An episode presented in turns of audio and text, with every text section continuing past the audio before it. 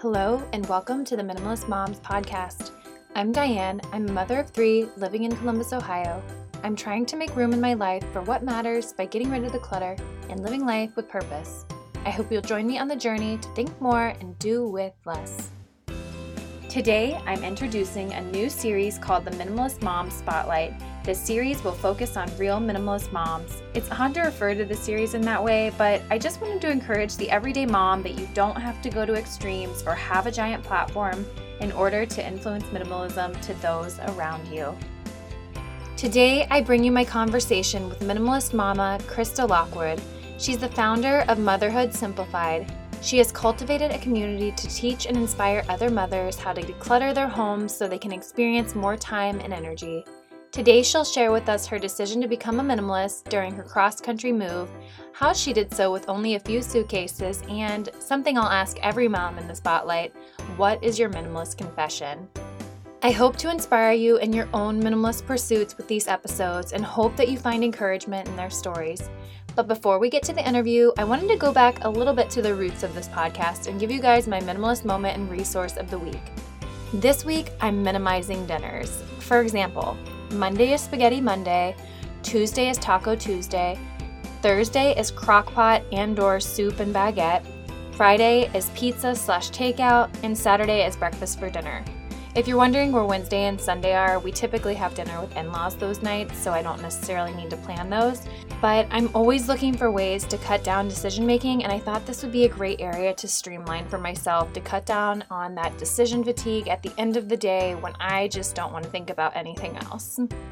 As for my minimalist resource this week, I am reading Indistractable by Nir Eyal and I apologize if I mispronounced his name, but I have just really been enjoying this read. In an age of ever increasing demands on our attention, how do we get the best from technology without letting it get the best of us? And that is the concept that, oh my goodness, I'm gonna pronounce his name wrong again.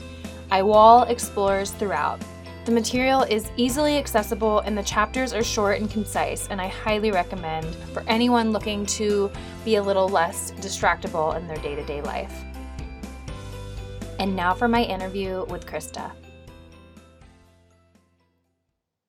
Krista, thank you so much for joining me on the Minimalist Moms podcast today. Hi, thank you for having me. Yeah, I'm really excited to kick off this series with you as our minimalist mom that we're spotlighting this week. And let's just kind of dive into it. I would love to hear how you first began to consider the pursuit of minimalism within your own lifestyle. Yeah, so we actually fell into it by complete accident, which sounds weird, I know, but my husband and I are from Alaska originally, and he has always been a serial entrepreneur. And there's not a whole ton of opportunity to grow in Alaska in a tiny population. So he was talking one day and was like, What would you think if we just moved to a big city and I dominated my business? And I was like, Okay, like, you know, no, nobody leaves Alaska. We're not going to leave Alaska. And then about two weeks later, he had an opportunity in Florida and was like, I'm going to go check it out. So I was like, Okay, still in the back of my mind thinking nothing would come of it. He went down, talked to them, and accepted the position on the spot and told me that we would have like six weeks to figure things out and he would be there while we you know got rid of stuff figured out what we were going to keep and not keep and then it turned out that they actually needed him there like 10 days later. And so he went down to florida and i stayed behind and we didn't have money to ship all of our stuff with us and we didn't want to put it in storage in Alaska because everything freezes over the winter anyway. So I stayed behind and got rid of literally everything we ever owned, other than what fit into one of our. We each brought one suitcase each. So he brought his when he went down. then my kids and I followed about a month later, and we brought one suitcase of kids' clothes, one suitcase of toys, one suitcase of all of my stuff. And we rented a house in Florida that was fully furnished and accidentally fell into the whole living with less thing. And it wasn't up until about a year or a year and a half ago that I realized what we had actually done and that there was a name for it. and that life didn't just get easy because all of a sudden we were living in Florida. Life got really easy because we didn't have all of the overwhelm in our home in the form of laundry piles and toy rooms that were ankle deep in toys and way too many kitchen gadgets that just were making life harder for us. And so we kind of, that's how we stumbled into it. And now, you know, it's something that I'm way more intentional about and actually put thought into. But that's kind of our story and how we fell into it, which I know is not the norm. Yeah, but I really like that it's not the norm. And I can't imagine moving across the country with only a couple of suitcases. So I am just completely impressed by this first question that you've answered.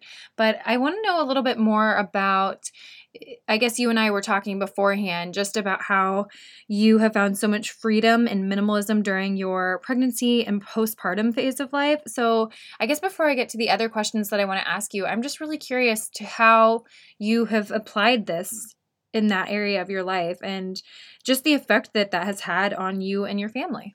Yeah, so it was the instant increase in time and energy. First of all you know as, as moms time and energy are our most valuable resources. And because i didn't have to spend my days picking up after the kids anymore trying to catch up on laundry trying to find things trying to organize things i just had this abundance of time and energy to give my kids, to give myself, to give my career, to give my husband, to give my relationships, which I think is the biggest thing too, especially being in a new area. I had time to go find friends and meet them. So that was the most immediate thing. And then I had my, you know, we had our first two. We were in Florida. We had freedom from the stuff. Then we had my daughter, and I just remember my pregnancy with her being completely different because well, first of all, my other two are older, but one of the things that happens when you get rid of your stuff is that you're able to be really protective of your priorities and how you're spending your time and your thoughts and your emotions. And I got to be really present in my pregnancy. And I told myself all the time, like, this is going to be my happiest, easiest pregnancy yet. And it's going to be the happiest, easiest birth experience yet. And the best and happiest and easiest postpartum experience yet. And I didn't know why I thought that, but the biggest reason why was the abundance of time and energy. And it ended up being my best postpartum experience. I had it in my head that I wanted to do it completely different than my first two. I wanted to do the bare minimum. Like I wanted to go super old school and sit on the couch or in bed with my baby and feed her and ask for help and not try to do all of the things after I had her so I could really bond with her. And I got that experience.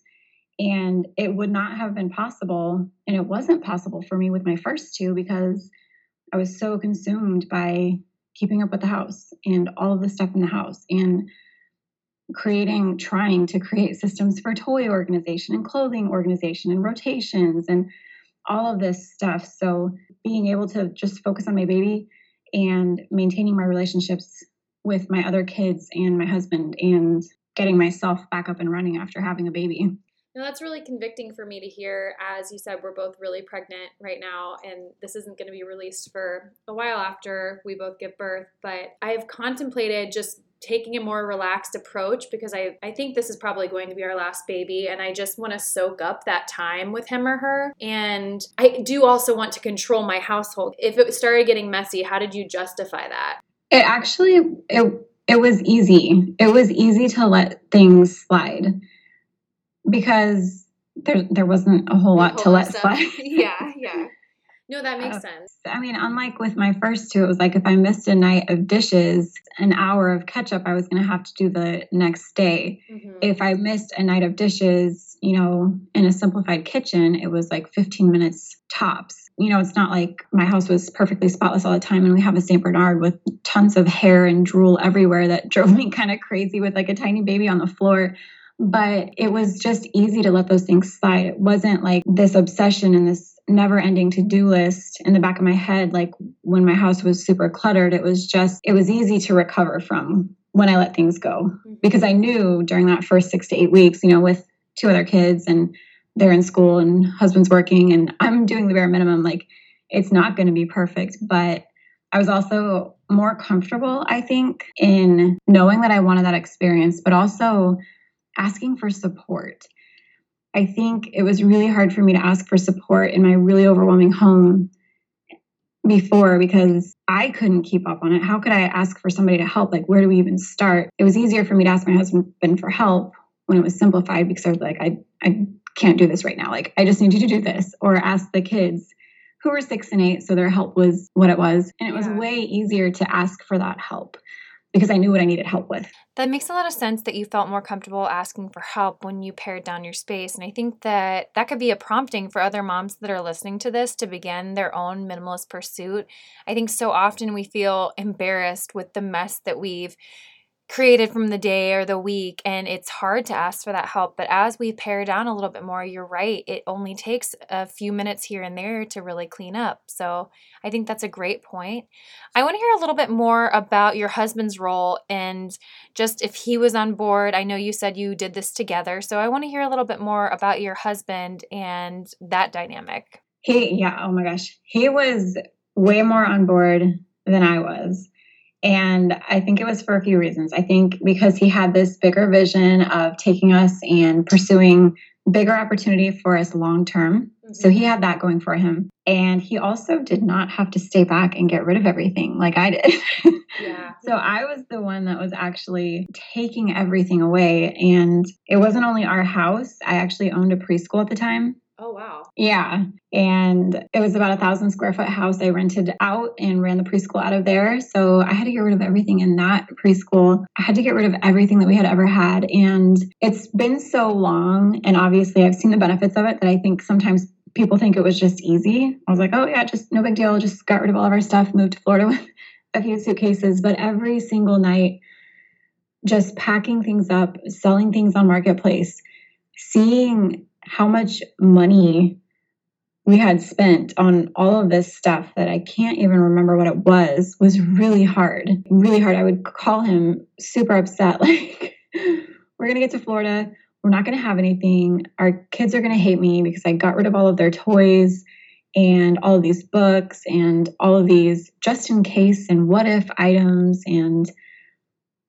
we spent a lot of money on ridiculous things and it was really hard, but he was the one that was telling me, like, when you get here, you're not even going to care. It's beautiful here. We have so much opportunity. Like, I've got, we've got a furnished house. So we all have beds and couches. I got us bedding. I got us, you know, stuff for the bathrooms, all new towels and dishes and pots and pans. Like, we're good. Just get here. Mm-hmm. and he was right, but he's definitely the one that was more on board than me. And now it's just our normal. So, for the most part, we're on the same page on most things now. What would you say that your proudest moment has been in regards to your minimalist journey? So, I think the proudest moment, or it's not like a pivotal moment, is just us making that decision to make that bold move to let everything go and move because it's been the best thing for our family. It's given us time, energy, clarity, the ability for us to make these big kind of decisions for our family and take these kinds of risks without fear because we've done it. You know, when we when we ditched all of our stuff, that was a really big lesson in us learning that we can take risks and it will pay off. Practicing minimalism, whatever that means to you, is a long-term solution for so many things and that's really what I hope hope to keep doing and something that I am pretty proud of. I was going to say, I don't know how you can trump your move from Alaska to Florida. That's pretty impressive. I'd say it's probably a pretty pivotal, proud moment in your life. And I can just tell your heart is so passionate about minimalism and you're passionate about sharing that message of living with less. And all that to say, I know that a lot of us still struggle in a couple of areas, maybe one area in particular. And I'm going to be calling this the minimalist confession time. So, what is yours? What is your minimalist confession of an area you just can't seem to minimize? Well, there's a couple things. First of all, I'm pregnant.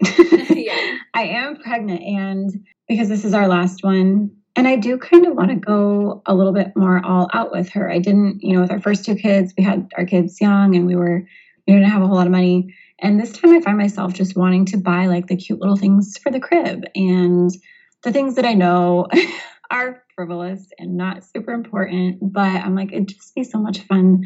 The other one, I have a guilty pleasure for, and this is weird, like any kind of like fancy water bottles or I'm really into those fancy water bottles and like supplements like mushroom coffee and like collagen creamer. Like I want to try all these different things. And I guess that's not so bad because they're consumable, but those are my weaknesses are pretty drinks and weird exotic drinks in the cups. I love that. That's so unique. That's such a great answer. Well, is there anything else you'd like to share with the listeners today? I would just say if you've been listening to Diane for a while, and definitely listen to the five minute episodes because those are so simple. They're so simple and easy to listen to.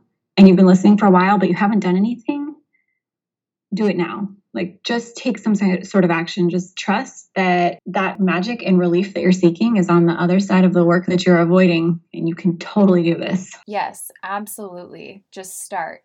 Um, where can listeners find you if they want to connect with you online? motherhoodsimplified.com. It's got all of everything all in one spot blog, podcast, Facebook group, all that good stuff. Well, this was just wonderful, and I hope it gives encouragement to other women who are either starting out on their journey or feeling stuck or want to take bold moves. It's possible. It's possible with kids, it's possible with more than one kid, and I think it can seem daunting, but you just have to take one step in front of the other. I know that's really cliche to say, but you can make you can make bold choices and they can just be more pivotal and life changing than you ever imagined that they possibly could be. I totally agree. Thank you so much for joining me on the Minimalist Moms podcast. I appreciate you coming on. Yeah, thank you so much.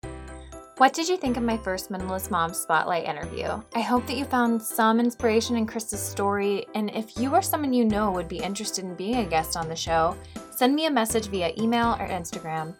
I wish you a lovely week as you think more and do with less.